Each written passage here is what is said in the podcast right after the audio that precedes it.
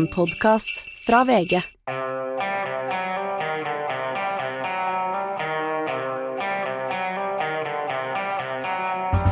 Ikke visste jeg at eh, alle disse dagene som eh, kom og gikk, de var selve 2022. Uh, verste året i mannens minne ble vi enige om her før eh, jul, eh, Per Olav. Og det har vel ikke skjedd noe de siste dagene som uh, har forandra på det? Nei, og manns minne, da må vi jo regne oss som eh, Vi har jo et minne som har vart over noen tiår, Anders, så vi, vi, husker jo en godt, vi husker jo langt tilbake. Husker Ganske du, langt tilbake. Du er jo født på 50-tallet. Husker du noe som helst fra 50-tallet? Nei, da må jeg inn i 60-tallet, Ja, tror jeg. Eh, ja. Men du husker at Kennedy døde, eksempel? At Kennedy ble skutt? ja. Og det var jo det, Da følte mange at nå sto man overfor en sånn uh, total verdensforandring og ja, absolutt. Også, men det første minnet jeg tror jeg har, er fra Cuba-krisen. Og Ja. det var jo litt før, da. Ja. Og det var jo også eh, var jo også skumle tider. Vi har levd i skumle tider eh, tidligere også. Absolutt. Det var jo, men da var det, husk, det, det jeg husker var at det ble fortalt at det kanskje Dette var ikke noe å være redd for, men kanskje måtte vi gå i kjelleren og være der en stund. Ja, Fortell om barna slapp. Ta det helt rolig og legg dere under pultene i Det, fosterstilling. det så- gjorde inntrykk på meg. Ja. ja, nei, det skjønner jeg. Jeg var så vant til den der frykten for atombomben da jeg vokste opp, at jeg bare tok den som en del av liksom eh, været, liksom, nærmest. Eh, Bare evig, evig tilstedeværende. Men det var altså, vi har, vi har sett tilbake, vi skal prøve å, å, å se litt framover på uh, året som gikk. Uh, tror du det blir et bedre år? Altså, jeg tror det som kjennetegner dette årsskiftet er Uh, først og fremst at det er en veldig stor grad av usikkerhet. Altså enda større enn det normalt er ved et årsskifte. Um, uh, jeg tror at um, Olaf Scholz, den tyske forbundskansleren, fant et ganske godt ord for det i en tale hvor han snakket om Zeiteswende, Seiteswende, som er da et tidsskille, eller et veiskille, eh, på no oversatt til norsk, eh, og det ble også da årets ord i Tyskland. Um, og det tror jeg vi har kom, I dette året som har gått, så har vi stått ved et sånt eh, tidsskille. Ja. Eh, og det, et sånt tidsskille innebærer jo en mulighet for at det kan gå både i en positiv og negativ retning, selvfølgelig. Vi, vi står ved et veivalg. Um, men det, mest, det som er størst her, er egentlig den usikkerheten, tenker jeg, ved dette årsskiftet. Det som altså vi har hørt om i alle de siste årene, som kanskje kom noe i bakgrunnen i fjor, det er jo hvordan Kina som supermakt eh, er blitt eh, større og, og sterkere, og eh, Xi Jinping eh, befestet sin eh, posisjon, viste litt muskler i, i eh, året som gikk. Samtidig så har det gått dårligere med dem økonomisk, og hvordan står Kina rustet foran det nye året? De, de har snart eh, de har nyttårsfeiring etter oss. Ja, de starter den der store nyttårsfeiringen sin eh, jeg tror det er 21. januar, eh, og det pågår jo en god stund. Det er en, en stor høytid, egentlig, i Kina. Hvilket dyreår er det? Ja, nå, går vi, nå skal vi gå inn i harens år. Noen sier, kaller det kaninens år, men jeg tror det er riktigere å si harens år. Um, det er et år som altså alle disse dyr, dyrene har, har symbolverdier, da. Og da snakker man, når det gjelder haren, så er det gjerne forbundet med fred, velstand og et langt liv, lang levealder. Det høres veldig lovende ut. Det gjør det, utvilsomt det, men akkurat nå står jo Kina oppe i en eh, uvant, uvant store problemer, vil jeg si. Altså, eh, vi husker tidligere i høst eh, så hadde jo kommunistpartiet sin eh, store generalforsamling, og, og eh, da, da var eh, Xi Jinping ble jo da gjenvalgt som leder for partiet, og nå i, på vårparten så vil han også bli valgt til en tredje periode som president i landet. Det, det er helt opplagt at det vil skje på når de har når dette parlamentet deres eh, eh, skal ha møte til våren. Men eh, det er problemer i Kina. De, når de hadde denne generalforsamlingen tidligere, så var jo fortsatt zero covid-politikken gjeldende. Det var ikke snakk om å vike fra den. Men så oppsto det jo uro i Kina, det ble protester, demonstrasjoner i flere kinesiske byer, og plutselig så forlot Kina denne, denne zero covid-politikken. Og det har jo ført til nå overfylte sykehus, Ja, de satser på flokkimmunitet, rett og slett? ja, men, sånn, men, men i en befolkning som da, hvor det er litt for svak vaksinedekning, eh, og da med deres egen vaksine, som er mindre effektiv enn den vestlige utviklede vaksinen og eh, i en situasjon med i en befolkning med veldig lav immunitet. Og Da blir, veldig, da blir de brått utsatt for denne smitten, eh, og de har ikke Vi må jo også huske at det har jo vært ganske store, det er tøffe tak i vestlige land, for å si det mildt, for å klare seg å komme i en situasjon hvor man kan leve med viruset, der vi er nå. Ja, ja. Og nå skal eh, Kina ta en sånn rask Snarvei. En snarvei faktisk gjennom dette, og de snakker om at det skal bli normalisert om noen måneder. Eh, det er det som kinesiske myndigheter sier, men dette er kommet veldig brått på. Og så er det det underliggende også at eh, den Kinas økonomiske vekst blir den laveste på mange tiår i år. Ehm, eh, de har hele tiden disse Verdensbanken, internasjonale pengefond har hele tiden nedjustert forventet vekst, og nå er det på et ble ytterligere redusert. Så det er veldig lav vekst, og usikkert da hvordan det går neste år. Og det betyr Det er annet fordi de da produserer mindre for oss? Ja. ja Så det vil jo virke inn på oss og etterspørsel og priser og alle sånne ting i Vesten også? Det er eh, problemer med produksjonen, det er problemer med et eh, overopphetet eh, boligmarked, det er problemer med mye gjeld i en del av disse industriene, og vi har sett at Og det er jo, det er jo også vist, altså vestlige land som har investert mye i produksjonskapasitet i Kina, har jo også sett at det mm, er, er en viss grad av sårbarhet i det. fordi for nettopp for å gjennomføre den zero covid-politikken, så ble det jo um, både fabrikker og ansatte stengt inne i perioder, ikke sant. Det, det, det stanset jo, eller reduserte produksjonen kraftig. Mm. Nå skal de åpne fullstendig opp, men nå er jo veldig, nå er mange syke igjen, og det vil også få konsekvenser. Og så er det spent rundt Taiwan. Det er spent rundt Taiwan, og Xi Jinping i denne talen han holdt i høst, snakket jo om at eh, kineserne måtte forberede seg på eh, urolige tider og kanskje stormer som skulle komme. Eh, og han har jo vært veldig tydelig på at de står ved dette kinesiske kravet om at Taiwan skal bli en del av folkerepublikken. enten de vil eller ei, og at det er åpenbart noe som han har satt seg som mål i sin regjeringstid. Da. Så det er, det er, nok av utfordringer både for Kina, både for Kina og for oss som skal forholde oss uh, til Kina. Det er jo en, en, en, potensielt gryende internasjonal krise. Altså, vi har sett store kinesiske militærmanøvrer der, vi har sett et veldig um, Eh, et, et, selvhevdende Kina, vil jeg si, som eh, viser seg i Sør-Kina-havet, og som har skapt uro både blant naboland, men også selvfølgelig i USA og i Taiwan. Så har det vært uh, uklart hvordan Kina egentlig forholder seg til Russlands angrepskrig mot uh, Ukraina, men uh, russerne har vel også noe nyttår ute i januar? Noe ortodoks nyttår og julefeiring og sånne ting? Ja, de ligger litt etter oss på kalenderen på disse datoene. Ja, mm. og, og øh, det er jo et land som virkelig har øh, går inn i, en, øh, går inn i et skjebneår.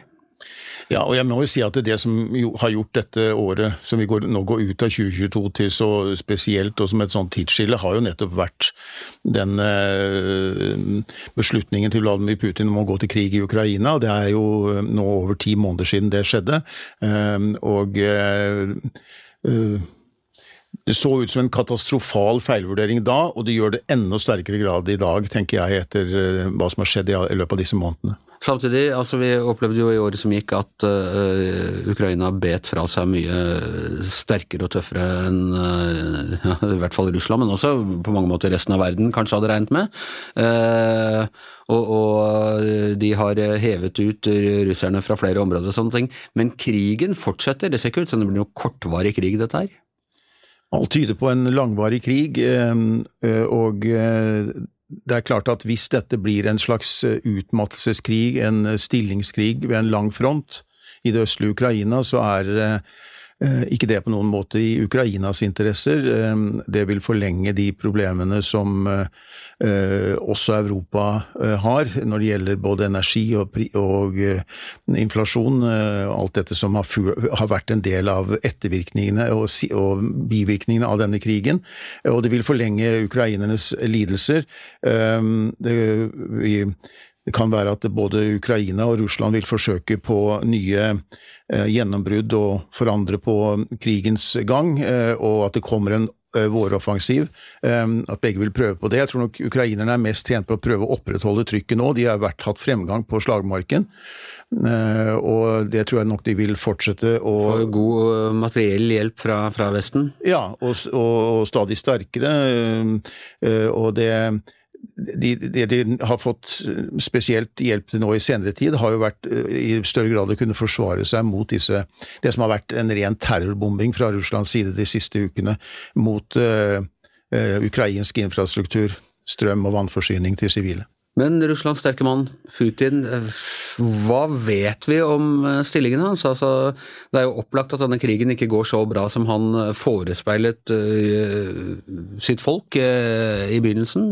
Man har måttet utkalle mange flere folk. Det er masse russere som lider som følge av denne krigen òg. Det er vel begrenset hvor lenge han kan være den sterke mannen i en sånn situasjon?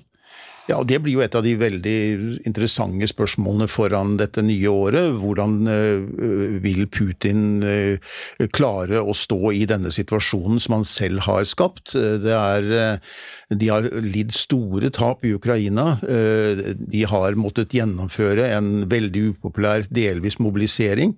Kanskje er de nødt til å mobilisere enda flere styrker for å prøve å holde stillingen i Ukraina.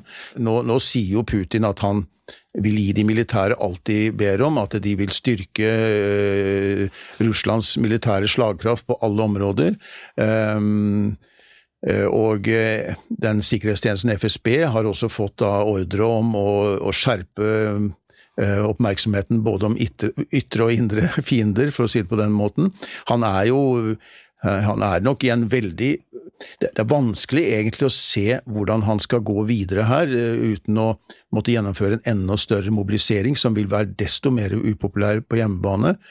Og krigen har på mange måter kommet hjem også til russerne, og det er, må være en stor belastning. Men det er et, dette er jo et regime hvor det ikke er um, opposisjon. Nei, og vi, vi vet altså det Kremnologisk innerst rundt han er det har du en hardliner-gruppe og en mer softliner-gruppe, vet vi noe om dette?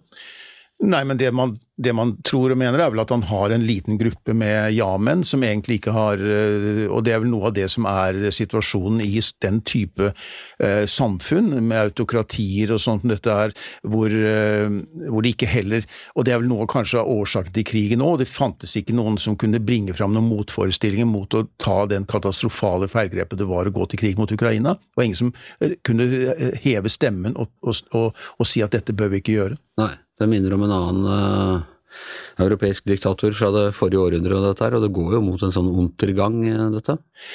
Ja, og det, det, kan du si at i dette året 2022 var jo et år som på mange måter Altså, Lyspunktet her var jo det at de, de vestlige demokratier klarte å samle seg, klarte å stå sammen. Vi fikk på mange, mange, mange måter et revitalisert eh, Nato. Eh, eh, takket være Putin på mange måter. Altså det, det, var ikke hans hensikt å skape en sånn situasjon, men det var det, slik det ble.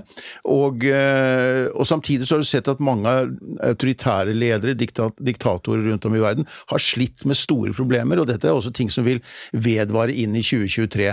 Både de problemene Xi har eh, i Kina, eh, de problemene det iranske presteskapet har eh, med sin egen befolkning, det opprøret i Iran fortsetter, og Eh, det potensialet som er i Russland for at uh, opposisjonen mot krigen vil øke der også. Uh, så dette har vært et mange måter dårlig år for, for verdens autoritære ledere også. De det har vært et godt år for, er jo da paradoksalt nok, eller paradoksalt, men for Nato, eh, som da har, som du sier, altså eh, har på mange måter konsolidert seg eh, etter noen sånne litt vanskelige år med, med Trump som president og, og, og, hvordan skulle det gå. Nå er altså våre gode naboer Finland og Sverige på vei inn i Nato. Det, eh, det skjer vel i løpet av, neste år. Det hadde vi ikke trodd for når vi satt her for et år siden, Per Olav? Nei, det hadde vi ikke, og den, eh, det var riktignok Det ble satt i gang litt ved nyttårstalen til den finske presidenten i fjor, hvor han snakket om at eh, det var opp til Finland selv å velge hvilken kurs de skulle ta i sikkerhets- og utenrikspolitikken. Fordi da hadde jo allerede Vi satt jo ved årsskiftet i fjor og snakket om Militær etterretning sa ja, at det kom til å bli et angrep. Blir det en krig i Ukraina, hva kan i så fall skje? Og Finlands svar da var jo at eh, vi er i hvert fall i en situasjon hvor vi selv vil bestemme vår tilknytning og vår alliansetilknytning. Og så gikk jo utviklingen veldig fort på vårparten i fjor, og den startet i Finland og, og, og så i Sverige. Nå er de på vei inn i Nato. De vil eh, forhåpentligvis snart bli fulle medlemmer i Nato, eh, og eh, det vil med stor grad av sikkerhet skje i løpet av 2023 i hvert fall. Ja, ja. Og selv SV ser ut til å bli, bli Nato-tilhenger. Det har skjedd ting i løpet av det siste året som Det har vært en raskere utvikling på noen områder enn ja, er, Vi må også huske på at det er ikke så mange år siden man liksom tenkte hva er, hva er hensikten med Nato? Har Nato noen som helst betydning i vår tid? Har de ikke Out of area sin, operations. Ja, ja det, var en, det, var jo noe som skapte stor debatt og, ja. og strid. Og, og, før den tid, så var et, eh, den kalde krigen var over, så tenkte man at kanskje det var, det var slutt på disse alliansene var ikke noe behov for de lenger. Nå er det mm. egentlig nesten ingen som stiller spørsmål ved NATOs, nødvendigheten ved Nato. Ja. Um, jeg har et par leserinnlegg i Klassekampen, men, men, jeg har inntrykk av at Ja, det er ganske, det er ganske marginalt, vil ja, jeg si. Ja. Og dermed må vi også snakke om USA. USA går jo faktisk inn i et eh, på overflaten litt roligere år. Det er ikke noe verken mellomvalg eller eh, presidentvalg, men det blir jo forferdelig spennende. altså Trump er presidentkandidat. Vil han få noen motkandidater? De vil melde seg på i året som kom. Og eh, Joe Biden har vel ikke vært altså, ja, Han sier vel at han, at han er kandidat, men han kan ikke si noe annet. Uh, og det er spennende om han vil få noen uh, motkandidater. og det, det vil skje mye i amerikansk politikk i det året som kommer nå. Ja, valgkampen er på mange måter i gang allerede, og den startet egentlig når mellomvalget var over i november. Og, for, og, og, Trump valgte, og han ventet jo ikke lenge med å erklære sitt kandidatur. Um, men han er foreløpig den eneste, da. Og så venter man jo på at Biden skal si om han er kandidat eller ikke, og han har vel antydet at det skal skje tidlig på nyåret. Uh, og det er Men jeg tror nok at vi vil jo se en situasjon i, i, i, neste år hvor uh, flere vil komme på banen, melde seg på, det er jeg ganske sikker på, og, vil, uh, og vi vil få se de første forpostfektningene mellom disse kandidatene. Uh, det er jo ting som tyder på at det er en del meningsmålinger som viser at at Floridas guvernør DeSantis har jo høyere oppslutning blant republikanere og konservative som vanligvis stemmer republikansk, enn det Trump har, og det før han allerede har erklært sitt kandidatur. Ehm, og det er også mange på demokratisk side som nok mener at de må ha noe fornyelse der. Sånn at eh, det er så For når vi om neste år, da, forhåpentligvis sitter her og diskuterer disse tingene, så er vi jo kommet til en situasjon hvor vi er like ved disse første primærvalgene og det valgåret i 2024 virkelig er i gang. Ja, og for å bare ta det med Trump først. altså Hvis DeSantis eh, sier at han er kandidat, Eh, da er det jo full krig. Da det er ikke sånn at Trump sier ok, da trekker jeg meg. Eh, det er jo, Han har jo allerede begynt å snakke baks... Nei, hva heter det? Nedsnakke DeSantis, for å si det pent. Mm. Og eh, hvis han skulle tape en sånn nominasjonskamp, tror du ikke han vil starte sitt eget sånn Make America Great Again-parti da? Jo, det, det, kan jo veldig godt skje. Eh, og det er jo eh, Det er jo ikke helt ukjent med sånne tredjepartier. Eh, det er alltid noen andre partier som stiller til valg, og vanligvis får veldig lav oppslutning, men av og til så kan de gjøre ødelegge. Nok til å ødelegge. Noen ganger kan det få helt avgjørende betydning. Og det kan jo skje da. Det vil være helt ødeleggende for det republikanske partiet hvis de skulle da ha en konkurrent på i, i, Trump, på utsiden av partiet. Hva med demokratene? Jeg husker i, i sin tid, jeg tror jeg kanskje var første valgkamp hvor du var i USA og dekket, så uh, var Jimmy Carter var uh, president, og så drev Ted Kennedy og uh, holdt på med at han skulle være motkandidat. Ja. og det, altså eh, vanligvis så hadde du jo ikke noe opposisjon hvis det ene partiet har, har, presidenten, så har man ikke noen Det er ikke noen sånne store øh, kandidater som går mot, og det, og det har vel ikke skjedd øh, siden. Men kan det skje igjen nå, altså med en såpass øh, gammel president som Biden, at det blir, er fristende for noen partifolk å, å tenke at han skal klare å slå i nominasjonskampen?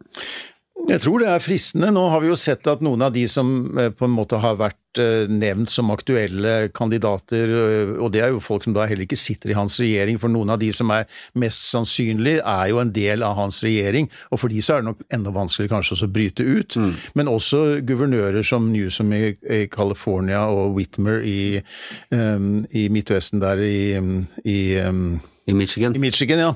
Eh, hun, begge de har jo sagt at de ikke er aktuelle som kandidater. Det kan jo selvfølgelig forandre seg. Det kan mm. godt være at de um, endrer mening om, om dette.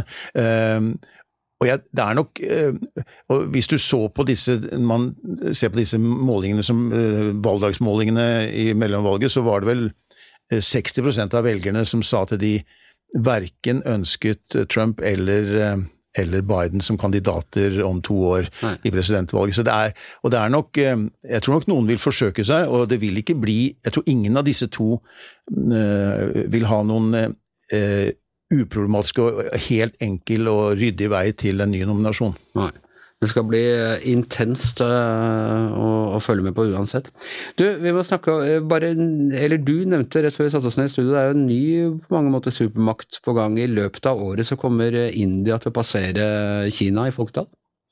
Ja, det er jo oppsiktsvekkende. De, altså har, India har en langt høyere befolkningsvekst enn det, enn det, Kina har. Eh, Kina har på mange måter en aldrende befolkning. Det er også et av de problemene. Vi nevnte ikke det i stad, men det er noe av det som De får færre i, i yrkesaktiv alder og flere eldre. Ehm, og eh, mens situasjonen er den motsatte i India. Eh, de kommer til å passere man har beregnet det sånn demografiske beregninger som sier at det skal skje en gang på vårparten. At de vil ha 1,4 milliarder pluss, eh, og noen flere da enn Kina.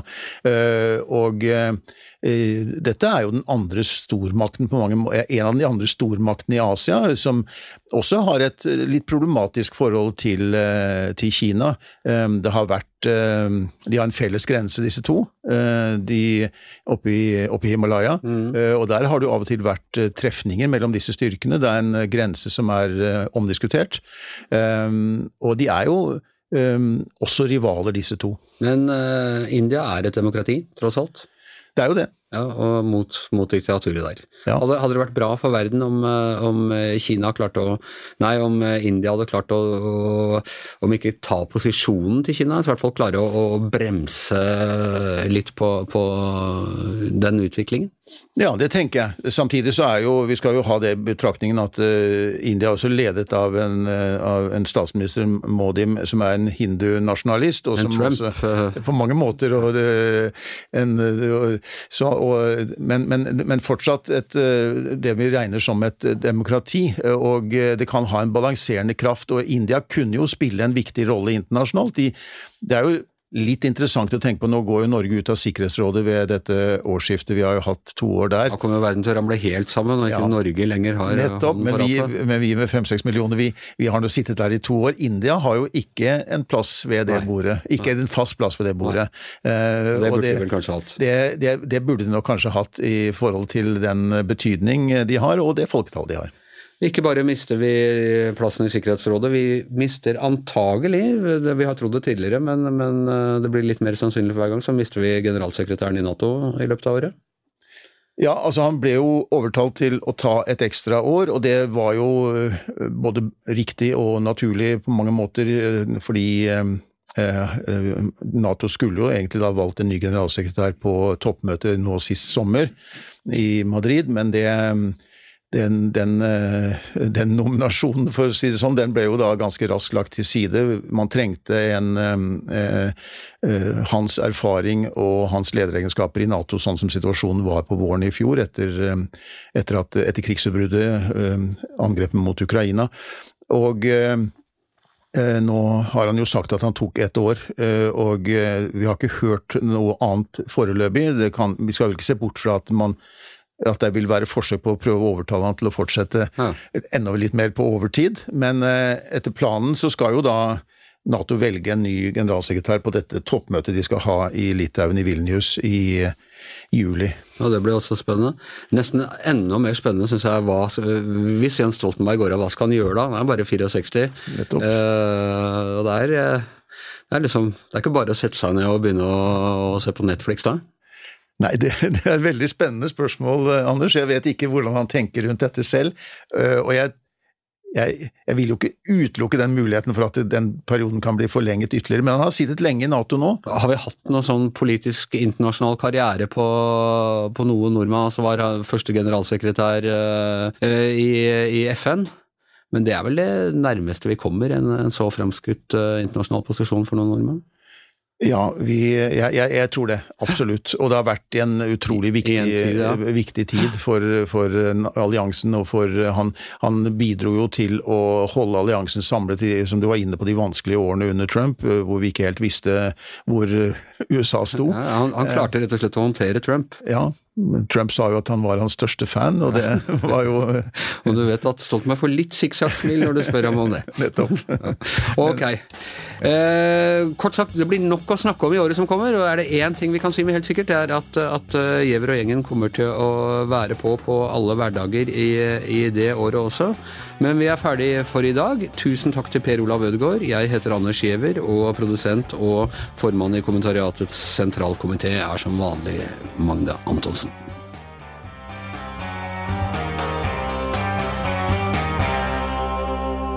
Du har hørt en podkast fra VG. Ansvarlig redaktør, Gard Steiro.